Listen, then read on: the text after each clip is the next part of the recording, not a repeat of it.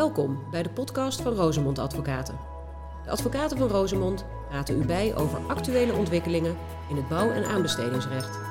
Zij doen dit aan de hand van jurisprudentie, regelgeving en praktijkervaring. Reële marsjes, dat wordt tijd. Vandaag luistert u naar Thomas de Leeuwen en Rob Bleker.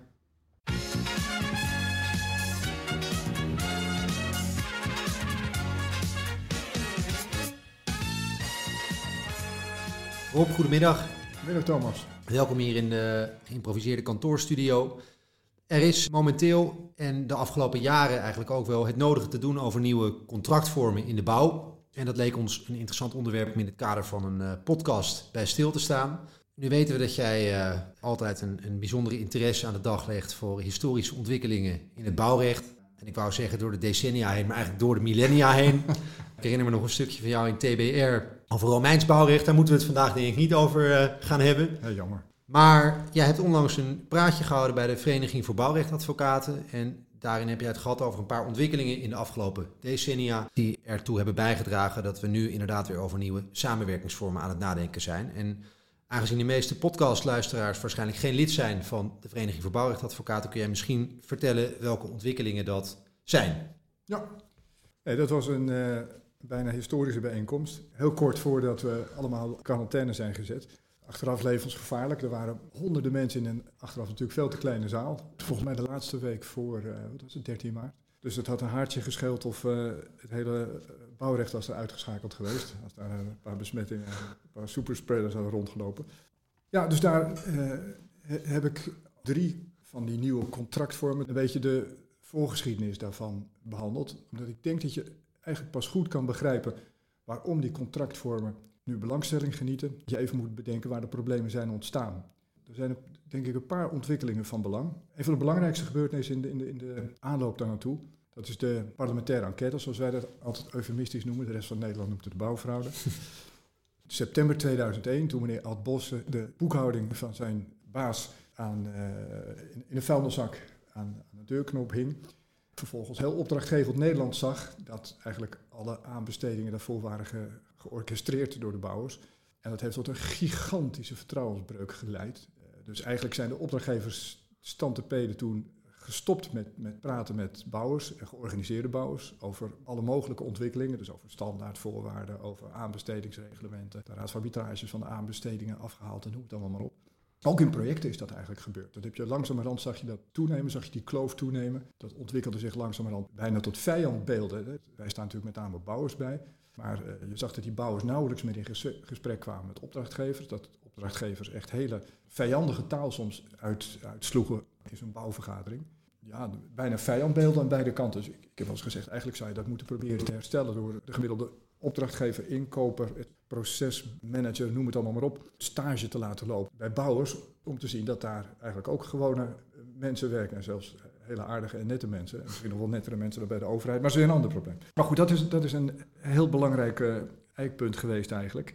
En een ander punt, vanzelfsprekend de problemen met de UVGC, waar veel over te doen is geweest. Dus dat is een contractvorm die in de jaren negentig hier is overgewaaid uit, uh, uit Engeland met name. Mooie verhalen daar over hoe projecten daar prachtig als design en construct design en beeld onder worden uitgevoerd. Uh, eerst UVG 2000, na UVG 2005. En wij zagen hier op kantoor dat kort daarna eigenlijk de, de, de, omvang van projecten en problemen met een factor 10 ongeveer begon toe te nemen. Contracten werden groter, maar de problemen werden ook groter en de schades en de verliezen werden ook groter. Dus ging het daarvoor over een paar ton gemiddelde zaak, gingen ze ineens over een paar miljoen, zeker in de infra. En ja, na een jaar of tien, en ongeveer 50, schat ik zo, vonden ze van de Raad van Arbitrage met name verder, zag je daarin een pat patroon in die, in die zaken. En wij begonnen onze cliënten te vragen, hoe reken je eigenlijk zo'n design- en construct-contract, zo'n UVGC-contract uit?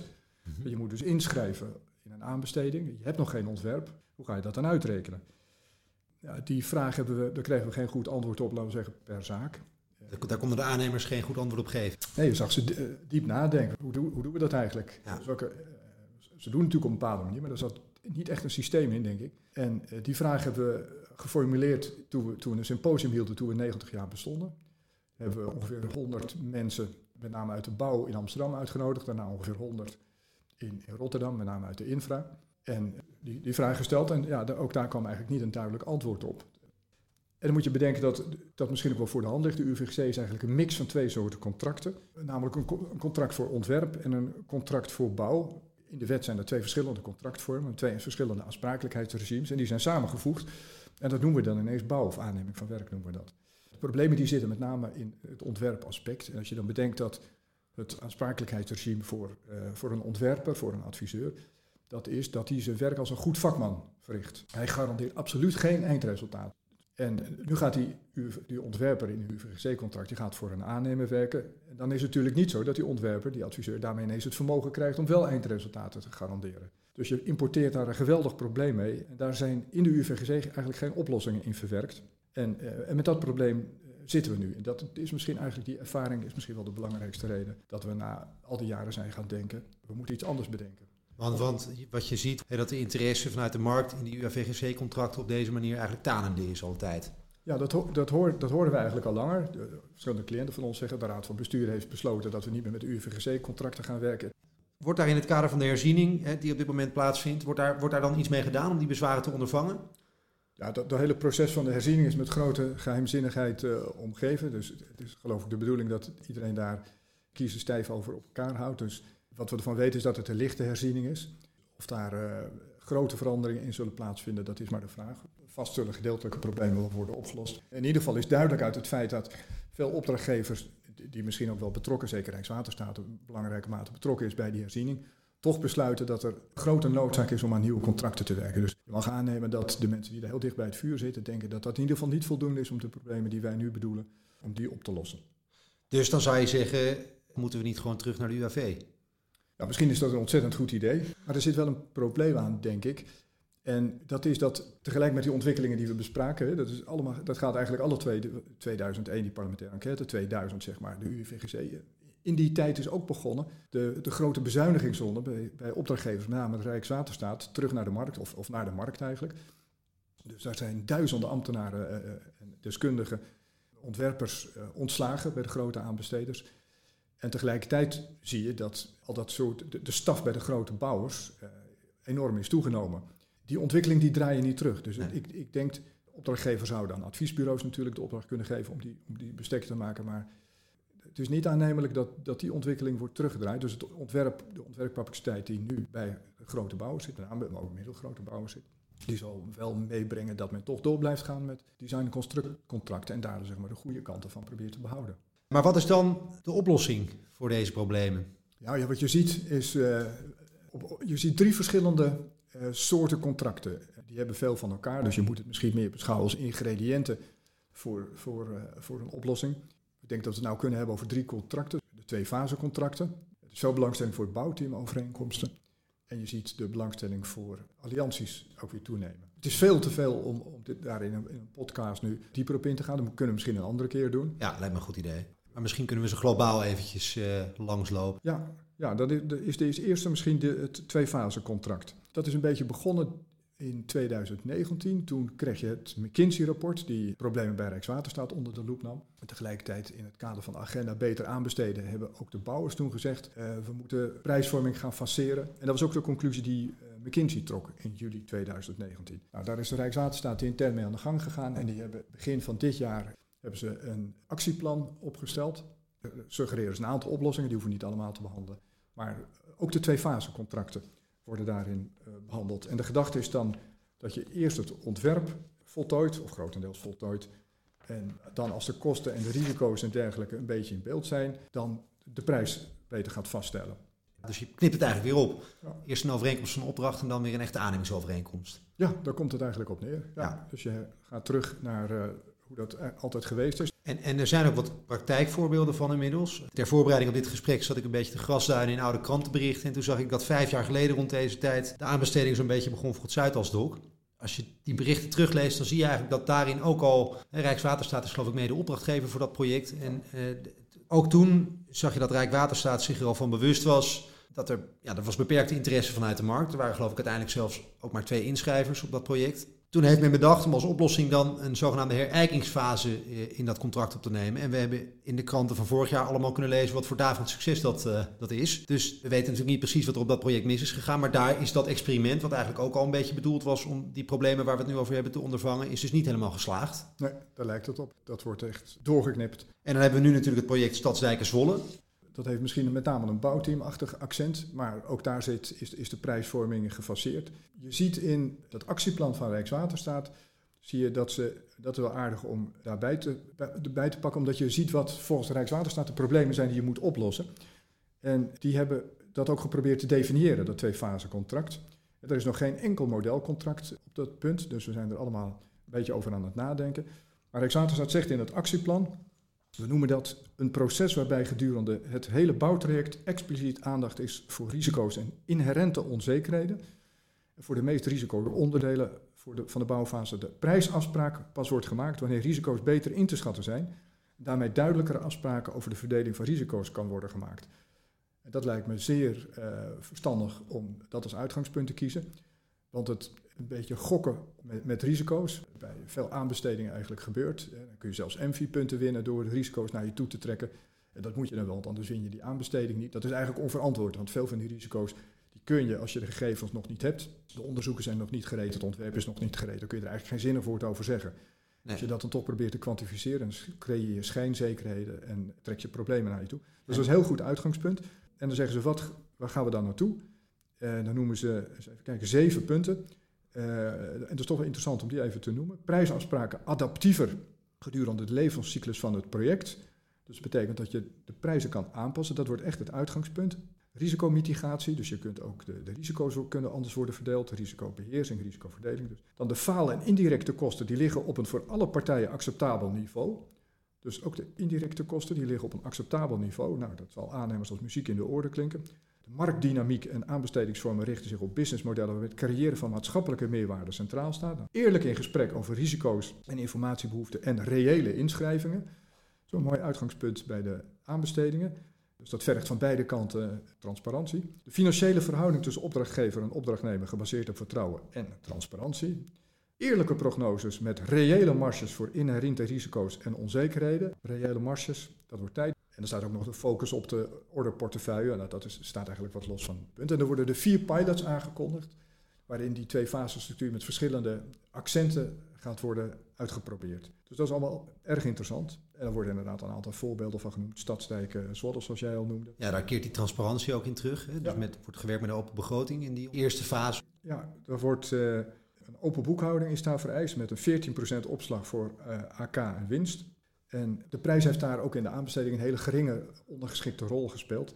En de nadruk lag op uh, kwalitatieve aspecten.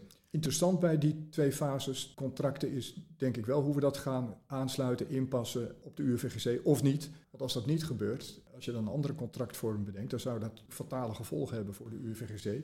dan gooi je het kind met het badwater uh, weg. Ja, dus, dan zou je dat hele, die hele UVGC zonder van al het werk in de herziening. Zonder voor jullie boekje ook? Ja, ja dat vooral, ja. ja inderdaad. Ja, en het is natuurlijk ook, als je die, dat rapport leest van Rijkswaterstaat en McKinsey, dan leest dat soms een beetje als een handreiking aan de aannemerij. Maar dat is het natuurlijk eigenlijk niet echt, want Rijkswaterstaat is zich er ook van bewust dat zulke risicovolle projecten, is een paar keer bijna misgegaan eigenlijk. Hè? En, op het moment dat, dat een van die partijen waar ze graag mee samenwerken zo'n risico in de praktijk niet blijkt te kunnen dragen, dan zou dat voor Rijkswaterstaat uiteindelijk ook heel vervelend zijn. Ja, het heeft een nadelig effect voor projecten zelf. Jij noemde het Zuidasdok, kruispunt Hoevelaak is een ander punt. Dat is misgelopen. Dus dat is een belang van Rijkswaterstaat en de opdrachtgevers. Ja. Maar inderdaad ook het hangen van molenstenen om, om nekken van aannemers, dat is ook niet aantrekkelijk op de lange termijn. Nee. Dus daar is het twee-fase-contract dan wellicht een oplossing voor, maar er zijn meer uh, mogelijkheden. Het bouwteam, daar had je net ook al even over. Dat, dat bouwteam kennen we natuurlijk al lang. Dat is met name in, in, de, in de bouw, de utiliteitsbouw, is dat een populaire manier van contracteren. Particuliere opdrachtgevers vinden het prettig, aannemers vinden het ook prettig. In de infra is het eigenlijk nooit goed van de grond gekomen. Dus we hebben een model, het uh, VG-bouwmodel uit, uit 1992, dat is lang gebruikt. Dat heeft tot opvallend weinig problemen en rechtspraak geleid, dus het is een heel goed model gebleken. Er is nu een, een, nieuw model, dat er veel belangstelling voor is. Uh, heeft een clubje adviseurs op het forum van uh, duurzaam gebouwd een, een conceptovereenkomst opgesteld met een heel ander uitgangspunt. En dat is inmiddels definitief. Ik weet niet of we dat model als uitgangspunt moeten kiezen. Daar kunnen we misschien een andere keer over hebben. Er is heel veel kritiek op geweest. Daar hoeven we het misschien niet, niet verder over te hebben.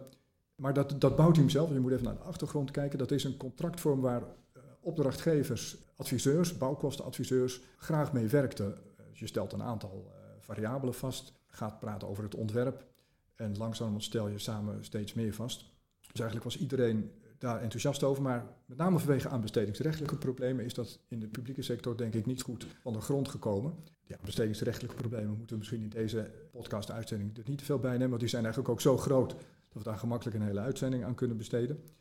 Maar opvallend is dat met die richtlijn van 2014, en de aanbestedingswet die daarop gebaseerd is natuurlijk, in die richtlijn er zit een artikel 67.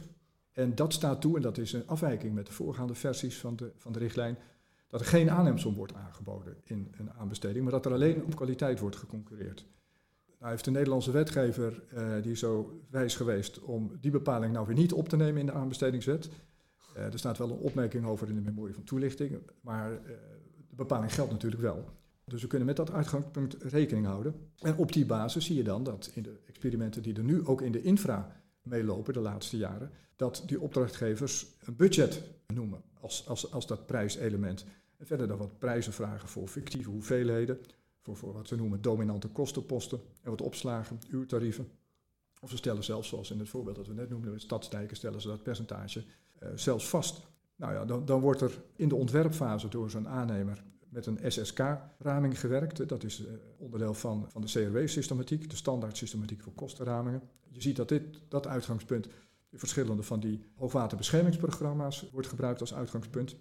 En wat je daarvan hoort, wat wij daarvan horen van cliënten, is dat ze daar heel tevreden mee zijn. Dus die contracten lopen, die werken lopen, lopen allemaal nog, die zijn eigenlijk pas net begonnen. Maar het begin ziet er goed uit. Dan hebben we tenslotte nog de alliantie. Ja, dat is ook een contractvorm die uh, niet nieuw is. Met name ProRail werkte al langer met de alliantie. Er zijn een aantal voorbeelden zelfs van. De, bij de Betuwe-route heeft men, is men begonnen met een, met grote alliantie. Dat is succesvol geweest. Bij ProRail was men er enthousiast over. Dus binnen tijd en budget. Nou, waar vind je dat nog? En het uitgangspunt is dan dat je dat met name bij complexe contracten moet inzetten. Het uitgangspunt bij ProRail vooral nog steeds. Uh, sommige risico's die blijven dan bij ProRail zitten. Ook tijdens de uitvoering zelfs nog bij ProRail zitten. Andere gaan naar de alliantie. Dus de alliantie tussen ProRail en, en de aannemer zelf. En de rest gaat dan naar de aannemer. Dus je kunt ze eigenlijk op drie niveaus verdelen. En je kunt dan ook weer per fenomeen kun je andere afspraken maken over de risicoverdeling en over de mate van de hoeveelheid kosten die je, die je waar neerlegt. En ook andere uh, opdrachtgevers, zoals uh, verschillende waterschappen, die werken met elementen van, van die alliantie in die nieuwe contractvormen.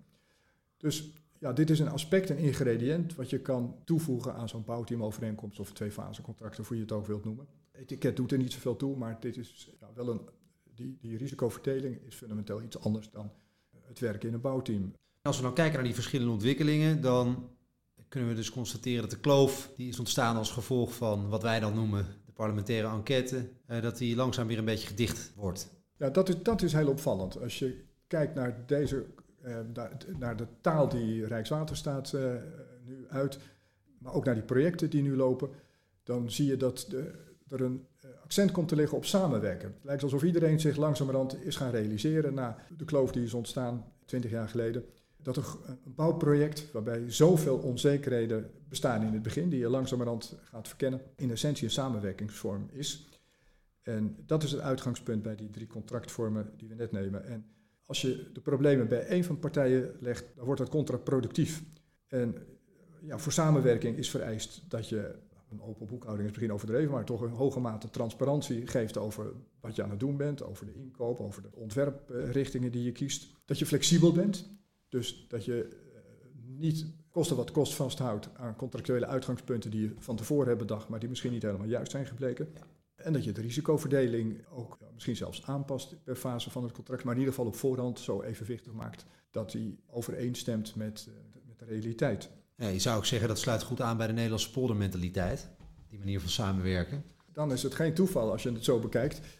Uh, als je dat, dat volkskarakter trekt, uh, de voorgrond stelt. Dat met name in het hoogwaterbeschermingsprogramma, dus in de waterschapswereld, uh, Hollands Glorie, geëxperimenteerd wordt met deze vorm. Dat men daar de noodzaak heeft gevoeld om samen te werken. Dus als ik jou goed begrijp erop, dan heb jij niet een uitgesproken voorkeur voor een van die drie samenwerkingsvormen. Maar dan zeg jij, die moeten we in de toekomst gewoon alle drie gaan gebruiken eigenlijk. Ja, de, de, de wijsheid die lijkt door te breken is uh, dat je moet samenwerken. En ik denk dat je allemaal zo realistisch moeten zijn dat we niet weer aan de schrijftafel iets gaan zitten bedenken en daar bouwers en opdrachtgevers het bos mee insturen en over twintig jaar gaan kijken of het een beetje is, gelukt. Dus dat men het uitgangspunt van dat hoogwaterbeschermingsprogramma, maar ook uh, van Rijkswaterstaat, het actieplan, dat je verschillende contractvormen gaat proberen en dat je over een paar jaar gaat evalueren wat is nou het beste, wat heeft nou het beste gewerkt in die projecten. En dan moet je kijken of je die ingrediënten wellicht kunt combineren. Dan mag je hopen dat dat kan. En wat je dan helemaal hoopt, want dan hebben we straks een palet liggen met, met 10, 20 verschillende contractvormen. Wat weer het probleem oplevert dat al die inschrijvers bij al die aanbestedingen moeten proberen te doorgronden. Wat, wat hier nou weer, dus het zijn vrij kostbare processen ook. Dat je over een jaar of vijf eh, de balans kan opmaken en kan zeggen: Oké, dit werkt het best. Een paar van die ingrediënten die voegen we bij elkaar. En we gaan samen om tafel zitten. Want dan is breed overleg ook geen eh, scheldwoord meer, zoals dat uh, helaas een tijdje is geweest. En je gaat proberen op een constructieve manier, en dat is dan misschien iets anders dan hoe dat nu in die eindeloos slepende herziening van de UVGC gaat. Je probeert samen een nieuwe contractvorming in elkaar te zetten. Of misschien zelfs twee in elkaar te zetten, op een paritaire manier, zodat die, allebei de partijen eh, tevreden zijn. Want dat is immers het uitgangspunt van die experimenten. Dus de, de, de toekomst ziet er weer fantastisch uit. Dankjewel Rob. Dank je Thomas. Dit was de podcast van Rosemond Advocaten. Leuk dat u luisterde. Heeft u vragen naar aanleiding van de podcast? Mail naar podcast.rosemond.nl of ga naar onze website waar u ook eerdere afleveringen vindt. www.rosemond.nl